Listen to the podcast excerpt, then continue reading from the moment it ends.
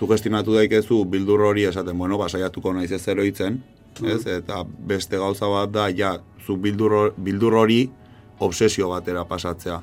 Orduan, hor, hor dagoen marra hor lerro fin hori gainditu ezkeo, orduan hasten die arazo.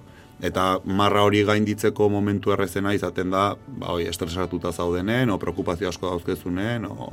eta beste. Eta kasu batzutan gaina, bueno, ekainen kasun beak, ba, uste, e, bazekila zeintzu ziela bildur horiek, baina gero, badare beste kasu, adiz nire kasun, ez dakizula zer den bildur ematen dizun horrek bakarrik etortzen da pentsamendua eta jasten zea bueltak ematen, baino egie da, hoi estresauta zarenen, o triste zaudenen, o zerbait pasa zaizunen, mm, joera daula, ba, horrea erortzea gehiago. Korapilloak podcasta inigo antxorregirekin.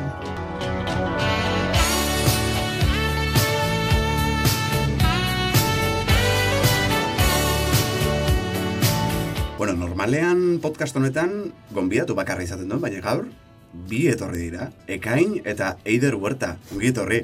Mi esker, txaldeon. Neba arrebak, esan beharko dut. Bai, bai. Gaurko gaia da nasmendu obsesibo kompultsiboa, edo nok, edo tok bezala ezagutzen duguna. Zuen hitzetan, zer da noka? Bueno, ba, e, beti esaten duen bezala, ba, bildurrak, bo, nire ustez, e, bildurra gestionatzeko era oker bat bezala kalifikatu daikela ez. Pero gauza asko sartzen dio horren barru, baino printzipalki horrek ematen du sorrera o gait, gaixotasun o korapilotasun hau sortzeko arrazoi nagusitako bat. Zu gider zer diozu? Ba, gauzantzeko azkeni. azkeni psikologa berdin aukita ba berdin erakutsi digute, orduan teorikoki, oi, gero ja praktikoki bakoitzak nola bizitzen duen, gauza desberdin. Joan egitezen hasierara eta etxeko zarrenarekin hasiko naiz, bai?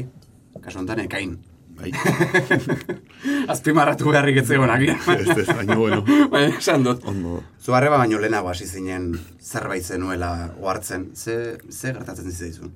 Bo bai, ni, ba, ni hasi nintzen nahi oso txiki ezan.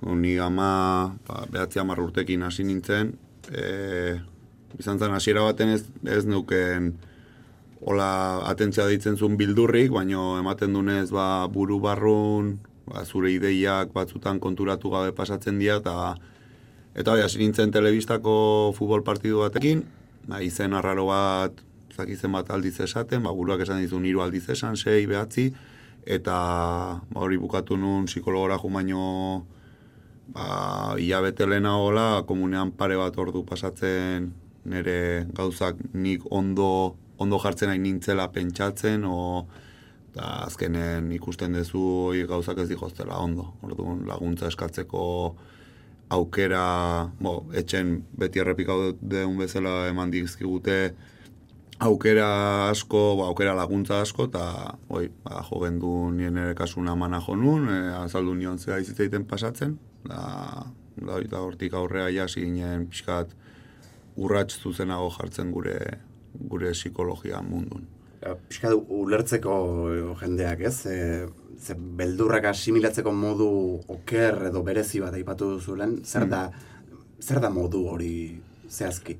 Ba, azkenen, e, bo, mundu hontan pertsona guztik e, bo, beldurra baditugu, orduan, ze pasatzen da, e, ez nuke superstizioa eta tokan astuko, baino bai, ba, pentsatzen dezula askotan, e, igual zure, zure bildur horrek, e, barruan generatzen dizun naia da zeo zerritea beldur hori neutralizatzeko, ez?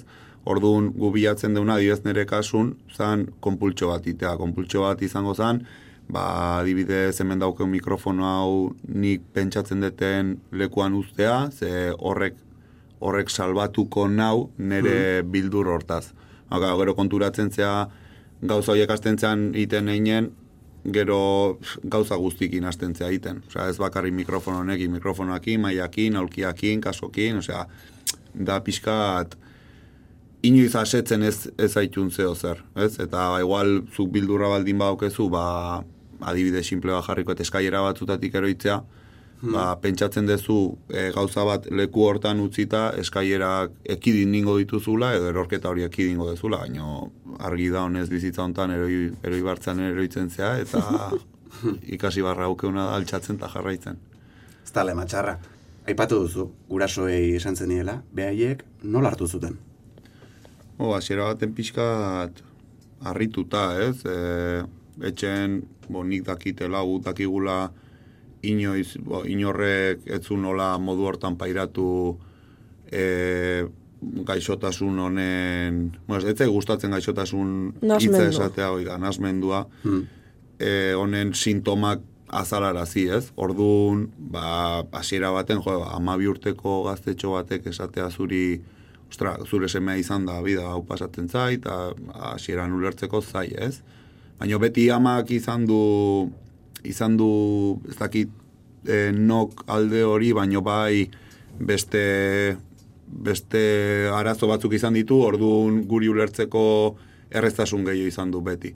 Horregatik lehenengo aldiz jo izan dugu amana, gero laguntza bion aldetik etorri da, vamos, ja, ezin geha kejatu alde hortatik, baina bai beti azaltzeko lehenengo, lehenengo azalpen hori beti ama jaso dula, eta esan barrituta, baino beti laguntzeko prest, eta pixkanaka, pixkanaka, ba, jutentzea ikasten nola, nola eraman, guztia. Eider, zuk zenbat urte zenituen, neba horrela hasi zenean? Ba, marrurtekin hasi bali mazan, ba, ni bi eukiko it- nitu nola. Bi urte. Bi iru, bai. Oraindik orduan oso txikia, Bai. konturatzeko.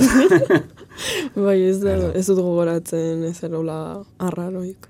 Bai. Aizu ekain, eta psikiatra batek azaldu zizun baita ere, zertzen nun, hori modu baten askatzailea izan zen? Bai, bueno, hasiera baten jo gendun ez psikiatra baten gana, psikologo baten gana, Hmm. eta arek esan zigun modua, ba, dana hau umen kontua ez? Osea, ez dauke garrantzia handik, baina, bueno, umen kontua ez dut uste danik ama bi urteko ume bat komunea sartzea eta bi ordu bertan pasatzea. Orduan ja erantzun hori jasotako, ba, enteratu ginen hemen poliklinikan ba, zehola gizon bat, ba, psikiatra infantil bat, Eta bai, lehenengo, lehenengo gune bere gana junginen ja, be, beak ikusi zitenen nola sartzen nintzen gelan, eta iten ere iten ditun gauzak, naizta ni pentsatu behatzala konturatuko, ba, beak zeituen esan ziten, ja, bitu ekainega hau dauke, eta, eta bueno, ez da, ez da horren arraroa naizta jendek ez ezagutu, ze, ba, omen dare datu batzuk, bo, esate dutena gutxi gora bera, berrogeita mar pertsonatik batek pairatzen dola to, toka onoka. Mhm. Así que hori basan zigutenen, jo, bazan ikustea pixkat, naiz eta oso fondo neon argia ikustea, ez? Esatez du, jo, ba, badakigu zer dan, e, hauain guazen ba, soluzio on bat jartzea. Oida, izena hartzen duenean, erraza dago. Bai. Gurasoentzat ere ze gogorra, ez? E, Bai, ba, gurasontzat ere usten dut lasaitasun moduko bat izan zala mo- momentu hortan jakitea zertzan, bora, azkenen, ja, pertsona guztik beti ez jakitasunen bizitzen ganen ez zare, zaude, komodo, ez zaude, bai, eta hori ire nokan zeo zer da, ez dana kontrolpen eukitzea, askotan ezinezkoa da. Orduan, ah, bueno, ba, gure kasun hasiera baten ez genek igun zertzan, eh, iz jarri gendun izena, eta gero oi, hasi ginen pauso txikik ematen, eta pauso txiki txiki txikik eman da, ba, bakoitzen hobego. Eider, alako batean, zuri ere noka diagnostikatzen den dizute, hamar urterekin ez da? Mm, bai, gutxi gara bera, bai. Eta zuri ze pasatzen zitzaizun? Bueno, nahi pasa dana izan zen bastante de repente, oza, neon urpekotan, eta egun baten neuken kompetizio bat, eta ez dakitze, ba, ez nau nintzen urduri, eta pentsatzen ba, gauza harrarok. eta hasiera baten ba ez nion garrantzian dirik eman, zesan bueno, pues, pasako zait.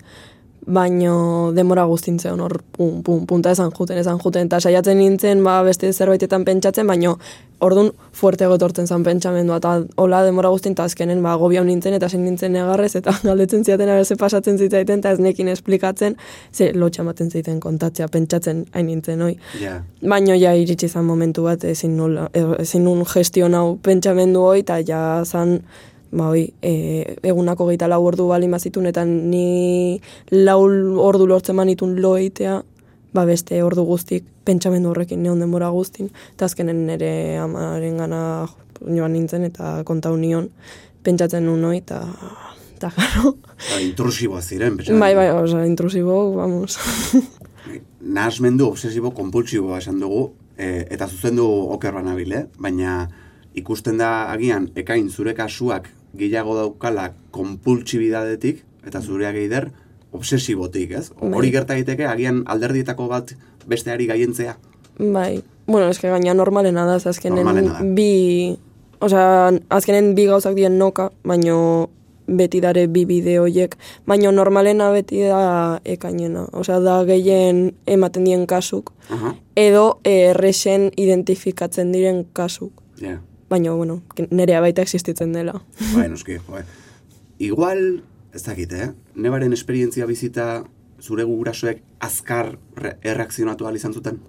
Bai, ba- eta gaina oso intenso izan zen, oso izan zen oso denbora gutxin sekulako aldaketa nere pertsonalitaten, osea, neon ja kriston gaizkita azkenen esan zuten, bale. Ja, ekainekin bizi dugu hau, zurekin azkarrago jun behar geha, eta ja jun zien direktamente medikoaren gana. Amale urterekin, Bai, bueno, ez goizago. goizago. Bai, baino ekainekin bezala hasi nintzen lehenengo psikologo baten, gero e- ez zitzaiten oso ondo jun, eta gero ja ba, aurkitu genuen beste psikiatra bat, infantila, nik genuen neska izatea, eta komodogo sentitzen nintzelako. Mhm. Ta horrekin ba oso ondo jun zitzaiten, baino gero ja ba emezortzi urte bete nitun eta ja ezin nun beraren gana jun infantila zelako. Eta orduan izan zan jun nintzenen ekainen psikologa berdina Mhm. gaur egun gure psikologa dena. Hori, ez dakit, eh? Ka kanpotik begiratuta. Gogorra da bapatean psikologoz aldatu beharra, eta berriz zerotik astea modu batean. Nei oso urduri jartzen ninduen egia esan, ze ohituta neoin ja, osea, ja bastante urte nijon e, psikiatra horrekin, eta ja ez bakarrik pertsona zaldatzea zan psikiatra batetik psikologa batea jutea. Ta hasieran urdu nino, baino ikusi nunek hain asko zobeto zeola momentu hortan, eta esan nuen, bueno, berekin ondo jo baldin bada, nerekin ere. Gaur egun, biok, zer modu zabete? Bueno, e, ora, garai horrekin alderatuta asko zobeto.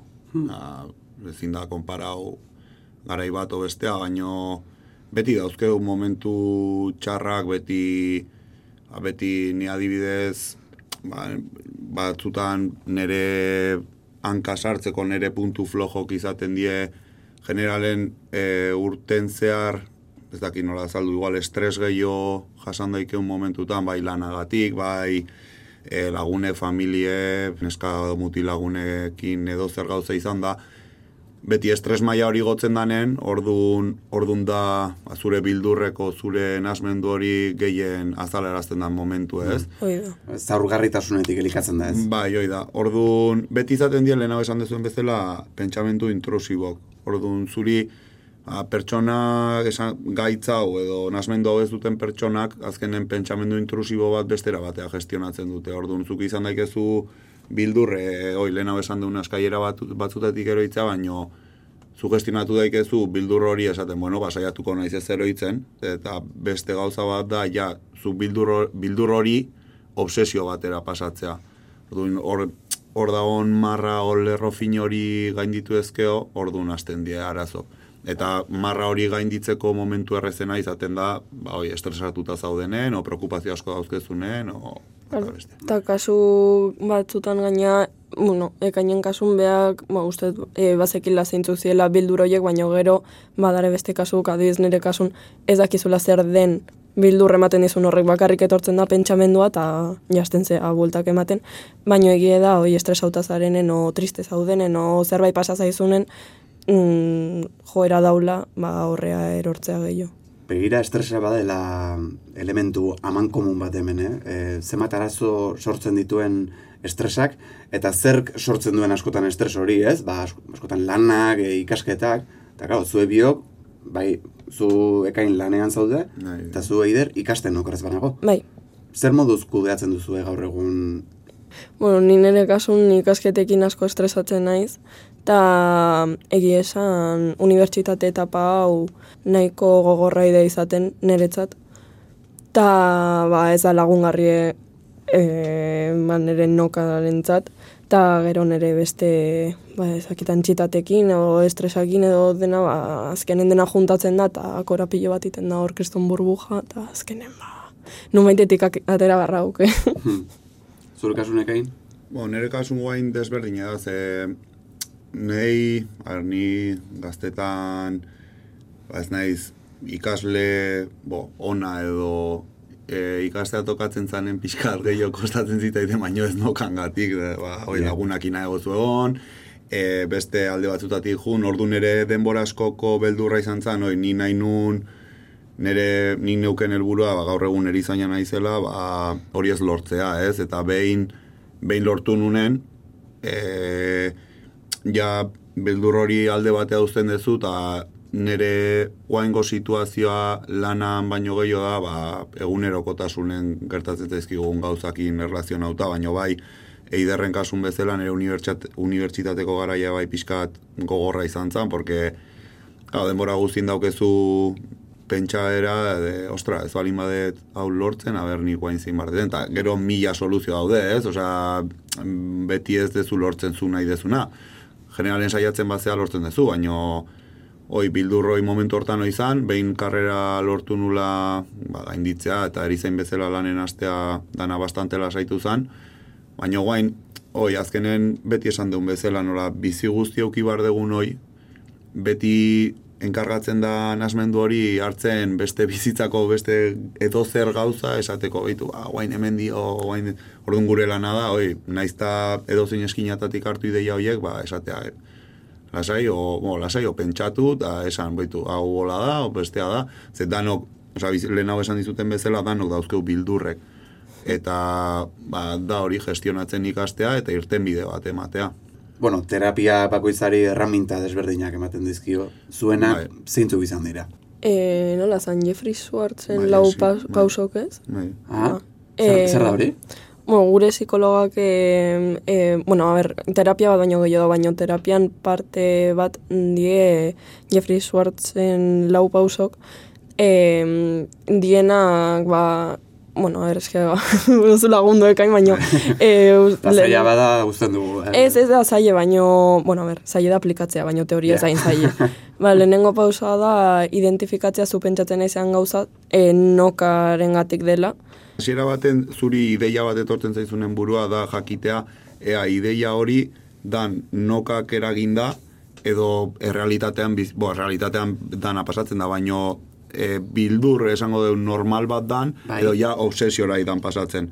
Orduan, obsesiora pasatu baldin bada, ja identifikatu barra aukezu bildur hori, e, hau nokan aldetik dator, hau ez da, ze generalen noka dauken pertsonak ematen diogu beldur horri dauken garrantzia, baino askoz gehiago. Vale. Eta askotan, beldur hori pasatzeko probabilitatea iten deu biderkau, bider mila, naiz eta euneko ba- bateko probabilitatea izan.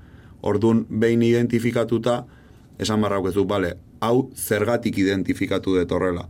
Orduan, identifikatu dut horrela, ze da, ba, ideia hau da, e, bueno, erderaz esan da ez intrusibo, ez repetitibo, denbora guztie haidizu bueltak ematen, behin da beste, eta gero ja, behin identifikatu dezula hori, da pasatzen ga beste puntura, dala nola erremedioa jarri.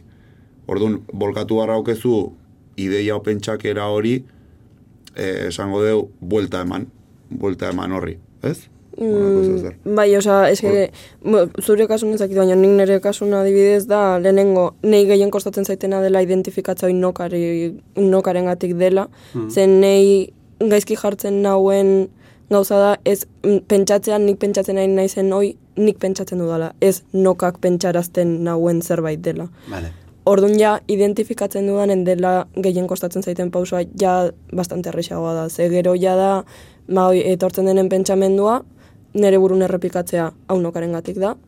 Badakit etorri behar zehala, jarraitu etortzen, badakitela zergatik den, eta jazta, eta ja asumitzen dezu, eta ja asumitzen dezunen pentsamendu etorri behar dela eta badakizu zergatik den, azkenen juniten da. Ez da konturatzen eta juniten da. Que dago esaldi bat erderaz esaten dana da, que para, hau behin baino gehiotan errepika daudeu, que para superar el miedo hay que pasar miedo. Ulertzen? Bai. Orduan da, egoerara oitzea. E, bo, oitzea edo, a ber, ez, ez gauitu behar bildurra pasatzea, baino bai bildur horri aurre iteko iritsi barra da puntu bat esateko, bale, ba, ba bai, hau pasau daike, o, o gaixotu naiteke, o erori naiteke, edo, zer gauza. Eta behin ja hori normalizatuta honen, e, intensitate hori galdu iten do. antxetatekin berdine pasatzen da, gu pertsonak ez, ez ga bizi e, antxetate konstante batekin, antxetatek mailak dauzke. Hmm. Orduan, ideia batek igual antxetate pilo sorrerazten dizu, baina ideia hori behin da berriz zure barrun errepikatuta o onartuta antxetate hori juniten da. Eta, bo, de hecho, nere, nere terapiako ordutan, hori asko landu izan dut, e, igual nere psikologakin jarri, ba, begiak itxi, eta esan, bueno, guain pentsatu zer, zer ideiak egiten dizun antxetate hori sortzea. Eta hasiera baten zuaztentzea igual amarreko e, antxetate maila batekin. Eta hortik amar minutua, berekin izketan zaudela begik itxita, konturatzen zeak, e, ostra, guain ez dauket horren beste, ez dauket urduritasun antxetate sentsazio hori, ez? Orduan azkenen da, hori lantzea pentsamendu hori, esan ez, bueno, bai, pasa daike, baino, baino jetxi marde, osea, ez dauke horren besteko garrantzia.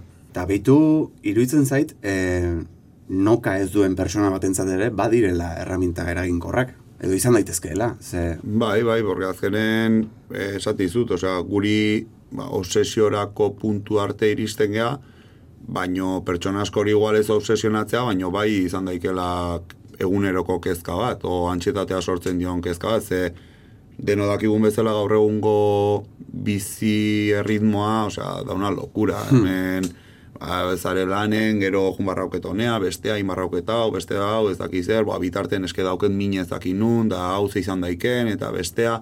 Orduan, e, bizi erritmo horrek egiten diguna, azkenen ansiedade maila baten bizi, o, de hecho gaur egun dauden gaitz asko horrek sortuta die, gure bizi erritmongatik. Estresa, presioa... Hoi da, Autoexigentzia... Hoi da, azkenen gare gizarte baten, ba, erakutsi gutela hola bizitzea. Orduan, euki barra dituzuna da herramienta asko horri aurriteko. Bestela, ba, bukatezu putzu baten, eta ez bakarrik anoka daukunak, o depresioa bea, o ansiedadea, osea, ansiedadekin bizitzea da, pff, osea, una locura, azkenen egunero hemen e, petxun erdin orkora pilo bat izatea, eta jo, ez eban urduri, si ez daukete zerriteko, eta baina sentsazio hori ez, ba, hoi gaur egun pff, galdetuko bazen duna mar pertsonei seguro nao zazpik bizi izan duela. Seguru, bai, bai, hortik ibiliko da. Bai. Terapiak lagunduko zizuen urte guzti hauetan, baina elkarrentzat ere babesa izan zarete. Bueno, hasiera baten bakoitza bere aldetik juten ginen, porque bai, bai nire kasu adibidez azaltzeko errezago izaten za, baina nik ulertzen dute iderrek pentsatzen zuna adibidez, ba igual nik ba, lotxa ematea kontatzea, o lo que sea, orduan hasiera baten pixkat aldamenea, bo, bakoitza bere aldetik jun ginen.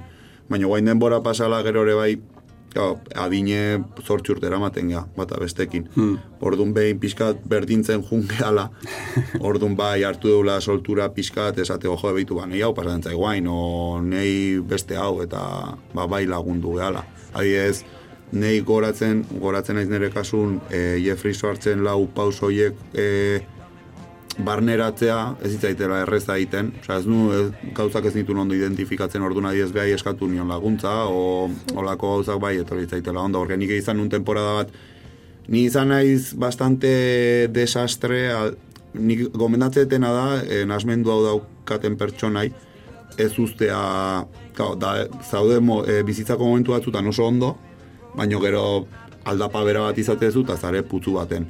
Orduan garo, hoi ez pasatzeko askotan komendatzen dana da, ba, adibidez, e, terapia ez, ez ustea denboran oso ba, aztuta, orduan ez dakit hilabetero sesio bat itea, o lo que sea, ondo etortzen da. Ni ondo sentitu izan naizenen, ba, pixka eta aldamen batea utzi izan dut, porque, karo, azkenen, ba, oi, ikasketak, o lana, o bata beste, esatezu, bueno, ni guain ondo nago, orduan beste gauza batzutan okupauko naiz, baino, hau da gauza bat okupatu barra okezuna bizitza guztin. Orduan, ba, oi, ni pixkat aldamen, aldamen batea utzi izan detenen eiderrek jarraitutasun gehiago eman dio, eta hortan adibidez bai lagundu dit, nahi. Bai, bueno, eta eta gero ni nire kasun no, esan dudan bezala, ba, lotxa ematen zidanez kontatzea zer zan pentsatzen ditun gauza horiek, ba, indet hizkuntza propio bat bezala, eta orduan zerbait pentsatzen detenen esaten nire familiai, tokazo eman dit. Eta ez dauket esplikau barra ze hain naizen pentsatzen. Ulertzen ja horrekin, ja, akite, ja tokazokin naula. Orduan uzten diate pake, no, esatiate behar, zerbait behar dezu konkretuki, laguntza behar dezu, zerbait dezu kontao. Eta batzutan ba esaten dut, ba, behar dut besarkara bat, eta ematen dut besarkara bat, o esaten, dira, negarri mardet, eta ez preokupau dela tokazoagatik. Pasauko zait. Eta, hola, hizkuntza propioa etxe barren. ba, eiderretak hain. Guk ere, nik usteet, bai nik eta bai entzuleek, hobeto ulertu dugula zer den noka, eskertzen dizuet benetan bisita, Zuei eskertzen du zuen eskuzabaltasuna, benetan, e, besarka bat emango nizuek, eh? gero mikroitzaritakoan egingo dugu hori, baina benetan eskerrik asko etortzegatik eta ondo izan. Zuei gonbidatzeagatik eta berdin.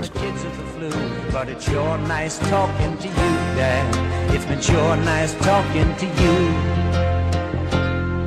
And as I hung up the phone, it occurred to me he'd grown up just like me. My boy was just like me. And the cats in the cradle and the silver spoon, little boy blue and the man on the moon. When you're coming home, son, I don't know when, but we'll get together then, Dad. We're gonna have a good time there.